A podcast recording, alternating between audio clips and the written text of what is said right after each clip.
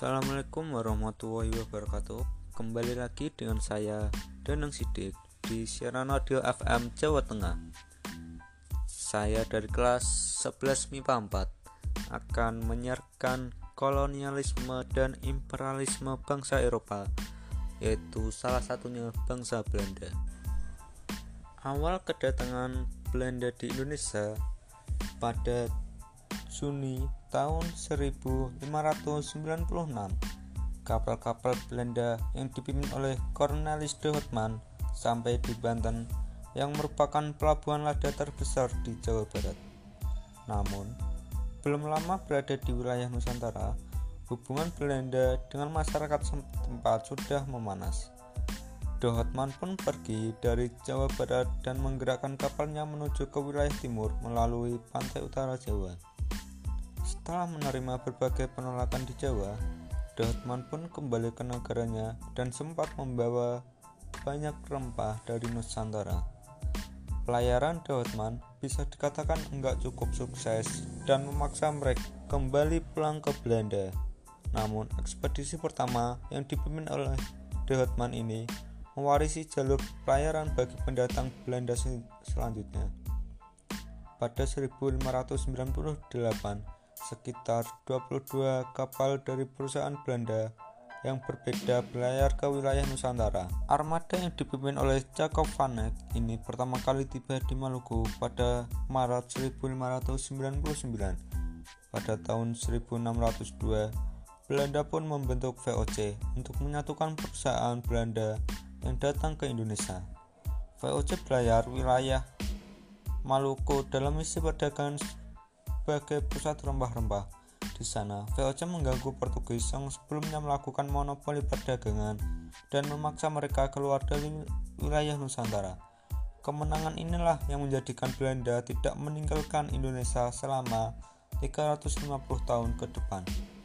Adapun kebijakan-kebijakan Belanda di Indonesia antara lain hak oktroy pada masa VOC, hak monopoli, hak mendirikan benteng, hak melaksanakan perjanjian dengan kerajaan Indonesia, hak membentuk pasukan tentara, antara lain menerapkan kerja rodi, membuat jalan anyar panarukan, dan menerapkan sistem tanam paksa dan sewa tanah.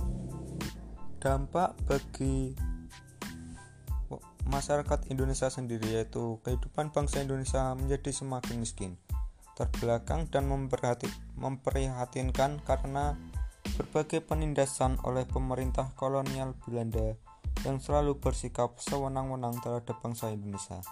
Yang kedua, banyaknya peperangan atas berbagai kerajaan di berbagai daerah yang dilakukan pemerintah kolonial Belanda mengakibatkan banyaknya masyarakat Indonesia yang meninggal. Yang ketiga, terpecahnya masyarakat Indonesia karena politik adu domba. Selanjutnya yang keempat, kehidupan bangsa Indonesia yang terkekang karena dikendalikan oleh pemerintah kolonial Belanda. Ada juga dampak positif bagi bangsa Indonesia yaitu wilayah Indonesia menjadi pusat aktivitas pelayaran dan perdagangan karena pembangunan pelabuhan-pelabuhan oleh pemerintah kolonial Belanda.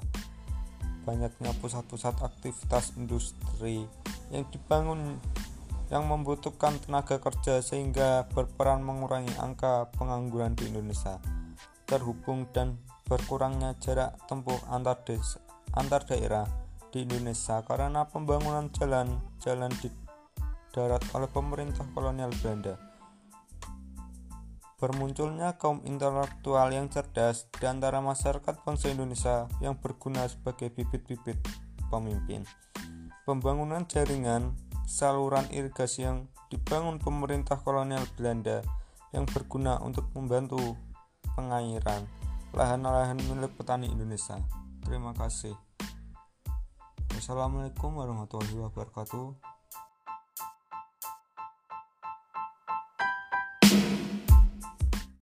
Assalamualaikum warahmatullahi wabarakatuh. Kembali lagi dengan saya Danang Sidik di siaran audio FM Jawa Tengah.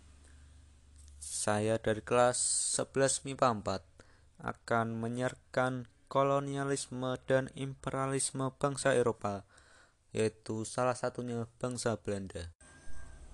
Awal kedatangan Belanda di Indonesia pada Juni tahun 1596, kapal-kapal Belanda yang dipimpin oleh Cornelis de Houtman sampai di Banten yang merupakan pelabuhan lada terbesar di Jawa Barat. Namun, belum lama berada di wilayah Nusantara, hubungan Belanda dengan masyarakat setempat sudah memanas. Dohotman pun pergi dari Jawa Barat dan menggerakkan kapalnya menuju ke wilayah timur melalui pantai utara Jawa.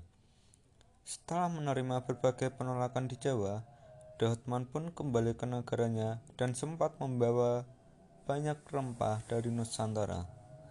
Pelayaran Daudman bisa dikatakan enggak cukup sukses dan memaksa mereka kembali pulang ke Belanda.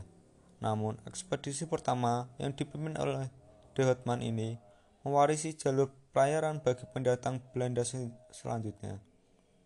Pada 1598, sekitar 22 kapal dari perusahaan Belanda yang berbeda berlayar ke wilayah Nusantara. Armada yang dipimpin oleh Jacob van Eyck ini pertama kali tiba di Maluku pada Maret 1599. Pada tahun 1602, Belanda pun membentuk VOC untuk menyatukan perusahaan Belanda yang datang ke Indonesia. VOC berlayar wilayah Maluku dalam misi perdagangan sebagai pusat rempah-rempah. Di sana, VOC mengganggu Portugis yang sebelumnya melakukan monopoli perdagangan dan memaksa mereka keluar dari wilayah Nusantara.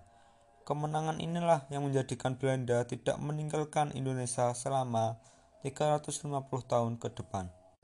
Adapun kebijakan-kebijakan Belanda di Indonesia antara lain hak oktroy pada masa VOC, hak monopoli, hak mendirikan benteng, hak melaksanakan perjanjian dengan kerajaan Indonesia, hak membentuk pasukan tentara, antara lain menerapkan kerja rodi, membuat jalan anyar panarukan, dan menerapkan sistem tanam paksa dan sewa tanah. Dampak bagi masyarakat Indonesia sendiri yaitu kehidupan bangsa Indonesia menjadi semakin miskin, terbelakang dan memprihatinkan karena berbagai penindasan oleh pemerintah kolonial Belanda yang selalu bersikap sewenang-wenang terhadap bangsa Indonesia. Yang kedua, banyaknya peperangan atas berbagai kerajaan di berbagai daerah yang dilakukan pemerintah kolonial Belanda mengakibatkan banyaknya masyarakat Indonesia yang meninggal. Yang ketiga, terpecahnya masyarakat Indonesia karena politik adu domba. Selanjutnya yang keempat, kehidupan bangsa Indonesia yang terkekang karena dikendalikan oleh pemerintah kolonial Belanda. Ada juga dampak positif bagi bangsa Indonesia yaitu wilayah Indonesia menjadi pusat aktivitas pelayaran dan perdagangan karena pembangunan pelabuhan-pelabuhan oleh pemerintah kolonial Belanda. Banyaknya pusat-pusat aktivitas industri yang dibangun yang membutuhkan tenaga kerja sehingga berperan mengurangi angka pengangguran di Indonesia. Terhubung dan berkurangnya jarak tempuh antar, desa, antar daerah di Indonesia karena pembangunan jalan-jalan di darat oleh pemerintah kolonial Belanda. Bermunculnya kaum intelektual yang cerdas di antara masyarakat bangsa Indonesia yang berguna sebagai bibit-bibit pemimpin. Pembangunan jaringan saluran irigasi yang dibangun pemerintah kolonial Belanda yang berguna untuk membantu pengairan lahan-lahan milik petani Indonesia.